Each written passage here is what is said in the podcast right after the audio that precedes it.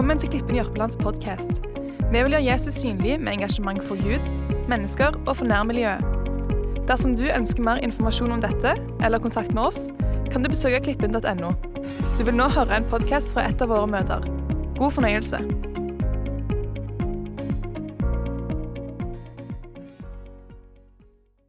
Forrige søndag så talte jeg om min og din relasjon til Gud. Om det å spørre seg sjøl hvor er jeg? Og helt ærlig svare på hvordan har jeg det egentlig med Gud? Og hvordan står det til med troen min? På forskjellige arenaer i livet så kan vi alle til tider oppleve at noe går tapt. Forsvinner, blir borte, ødelagt eller revet ifra oss. Men Bibelen den gir oss mange eksempler på gjenopprettelse. Og viser oss at selv i det som ser ut som en umulig situasjon, så fins det en vei. Det finnes tilgivelse, og det finnes nye sjanser. Og vi har med en Gud å gjøre som både kan skape noe nytt og noe som er bedre. En av de mest kjente lignelsene i Bibelen den finner vi i Lukas 15, vers 11-32. Dette er fortellingen om en sønn som egentlig er ferdig med familien og faren sin og livet hjemme på gården. I hvert fall så vil han gjerne ha arven sin. Og når faren gir han alt det som tilhører han, så forsvinner han bort. Langt bort langt av sted. Gutten han sløser vekk alt det som han har fått av penger og verdier. Og han synker så langt ned som det går an å komme. Han mister alt. Relasjonen til faren sin, til hjemmet sitt.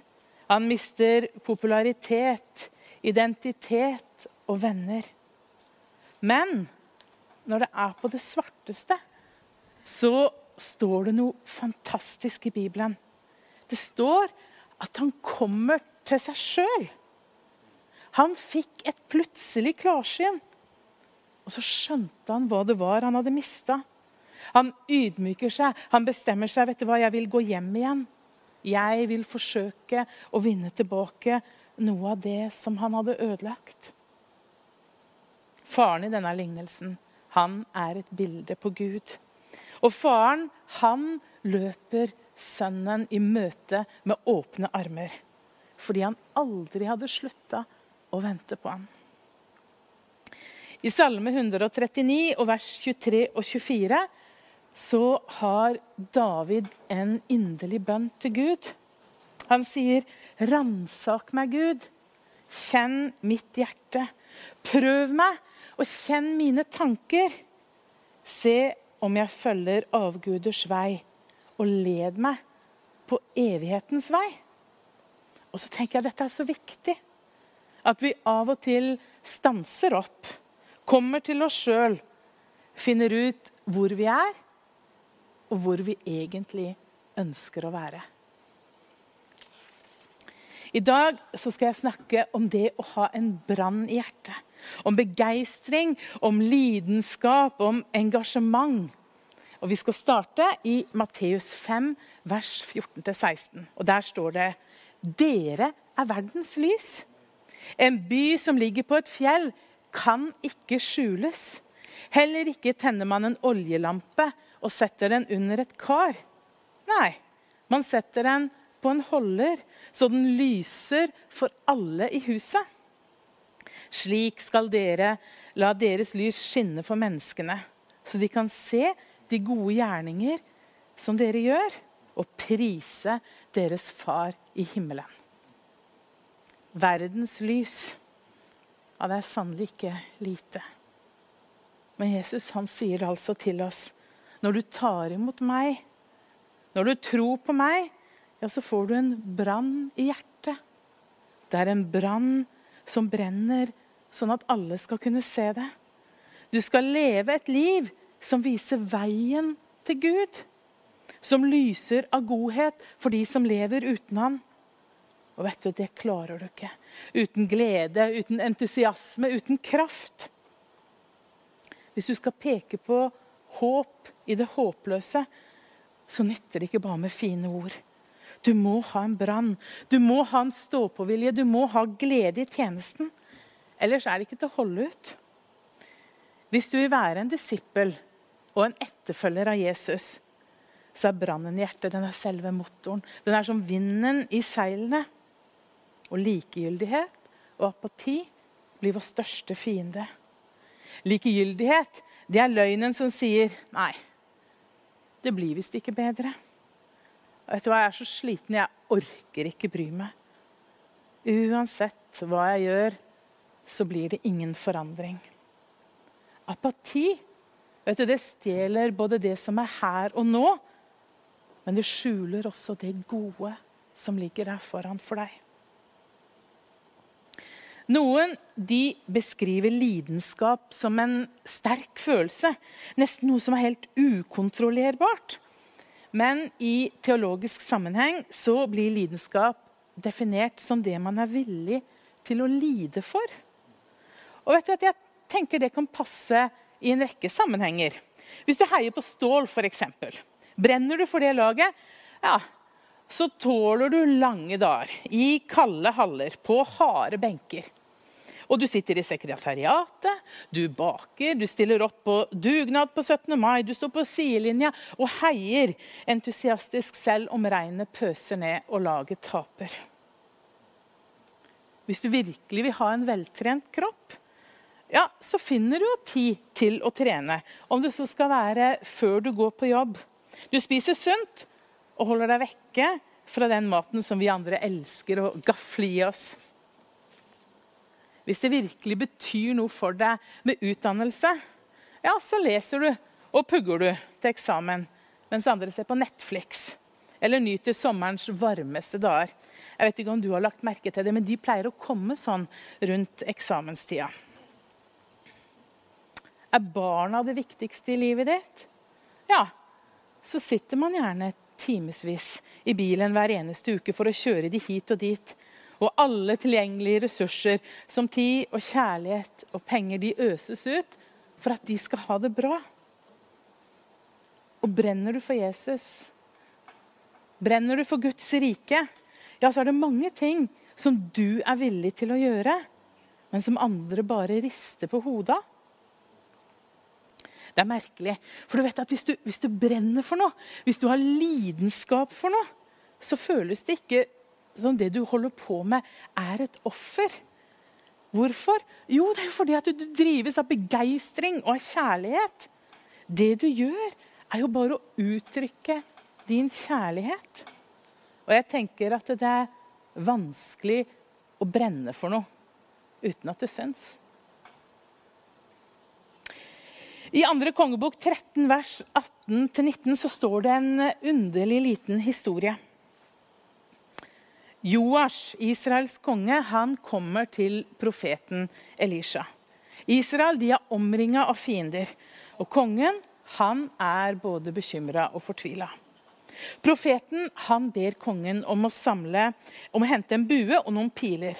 Og Deretter så ber han kongen om å ta pilene og slå dem på jorda. Det er jo et litt merkelig spørsmål. Jeg tenker, Hva skulle det være godt for? Som om det ville hjelpe. Men kongen tar nå pilene da, og slår dem mot bakken. Én gang, to ganger, tre ganger.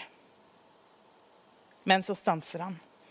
Vet du, Det minner meg litt om når jeg spør Geir om han kan klø meg på ryggen. Og så er det sånn én, to, tre, og så er det over. Ikke mye entusiasme. Men tilbake til bibelhistorien. Det fortelles videre at Guds profet han ble sint på kongen. Og så sier han du skulle nå i hvert fall ha slått fem-seks ganger.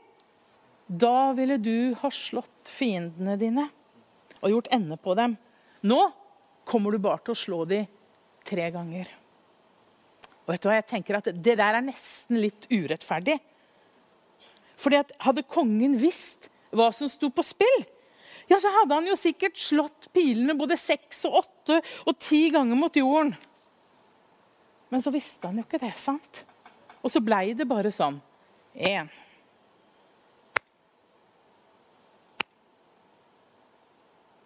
Og så tenker jeg Er det sånn du lever, Elin?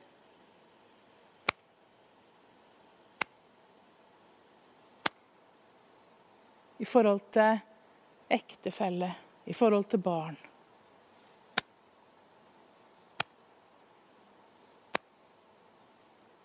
I forhold til tjeneste. I forhold til relasjonen min til Gud.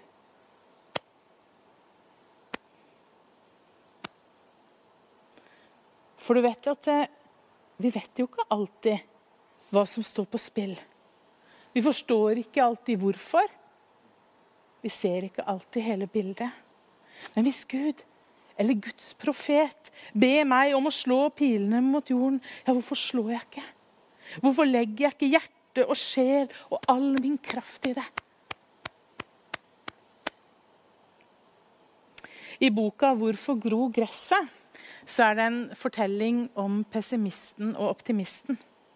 To barn de går i samme barnehage, men de er markant forskjellige.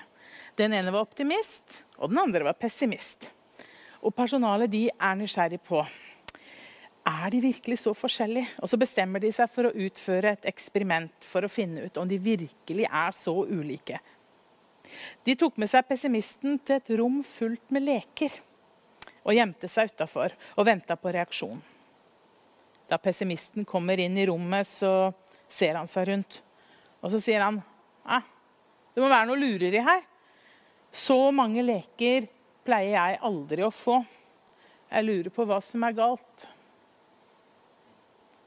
Etter å ha notert seg dette, så tok de med seg optimisten til et rom fylt med hestemøkk for å se om de kunne gjøre ham nedslått. Men da gutten kom inn i rommet, så begynner han å danse og le av begeistring. Og Personalet blir så overraska og så spør de, åssen kan du være glad. Det er et rom fullt av hestemøkk. Med så mye hestemøkk, sier optimisten, så må det finnes en hest i nærheten. Hvem er du, Elin? Vet du hva? Jeg ønsker jo å være som denne optimisten. Jeg ønsker å se muligheter. Jeg ønsker å være begeistra, jeg ønsker å være levende, jeg ønsker å være glad. På samme måte som flammen i et bål må beskyttes og gis næring, på samme måte må du også beskytte og gi næring til flammen og brannen i hjertet. Hold fast på nåden, på tilgivelsen og på Jesu fullbrakte verk på Golgata. I Hebrevbrevet 12, 1-2 snakkes det om hvordan vi skal fullføre det løpet som er lagt for hver og en av oss. Det står at vi må feste blikket på Han som er troens opphavsmann og fullender. Og etter Dette verset, mer enn noe annet, det fyller meg med sånt håp. For selv om jeg er svak, så er Jesus som bor i meg, både skaper og fullender av min tro. Her om dagen så sendte Roar en sang til meg fra Spotify. 'Music inspired by the story'. 'Be born in me'. Det handler om Maria, Jesu mor. Ung, redd og usikker lurer hun på hvem den skikkelsen er som sier at hun skal bære frelseren Messias under sitt hjerte. Hun skjønner ikke hvorfor er jeg så full av frykt hvis dette er Guds vilje. Og Noen de sier at hun er en drømmer, at det er umulig. Men med skjelvende hjerte, før fornuften seirer, så ber hun om å få se med troens øyne. At hun skal få bære fram Guds sønn, verdens frelser. Hun var bare ei ung jente. Allikevel kan vi lese i Lukas 2,38 og si Se, jeg er Herrens tjenestekvinne. La det skje med meg som du har sagt.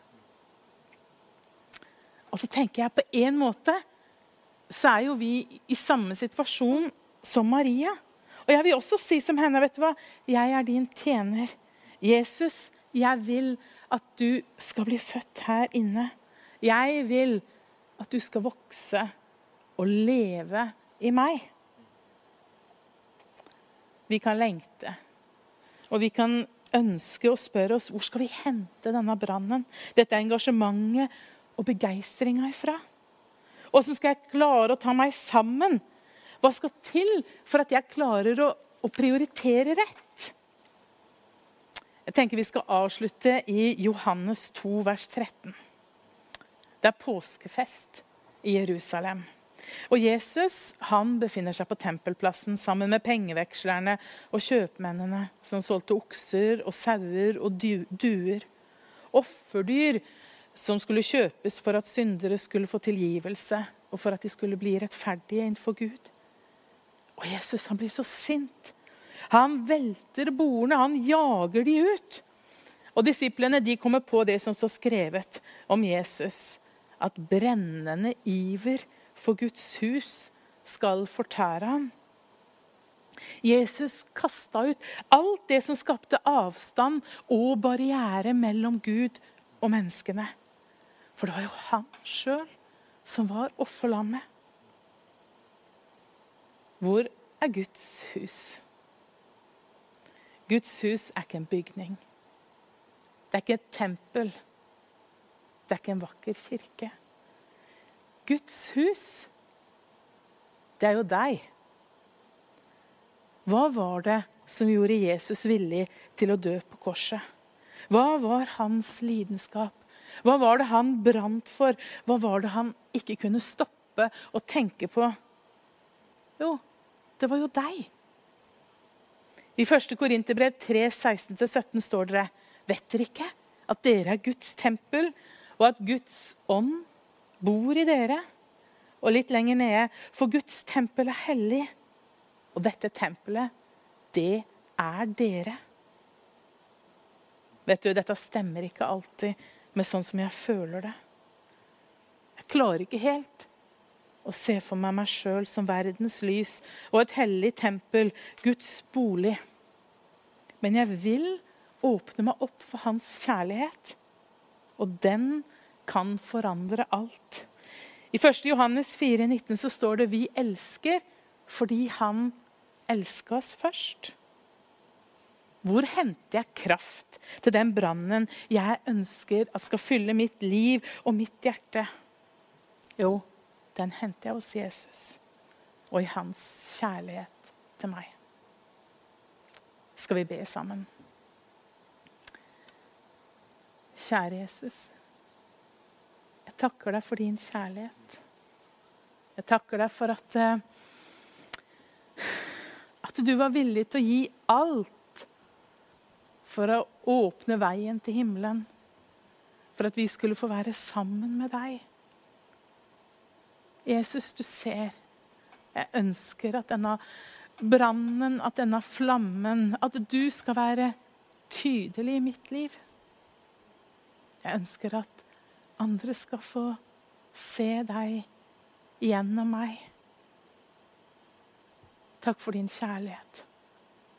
Takk for at den forandrer alt. Amen. Håper dette budskapet har vært inspirasjon og veiledning. Flere podkaster finnes på klippen.no og iTunes. Du er hjertelig velkommen til en av våre gudstjenester. Snakkes der.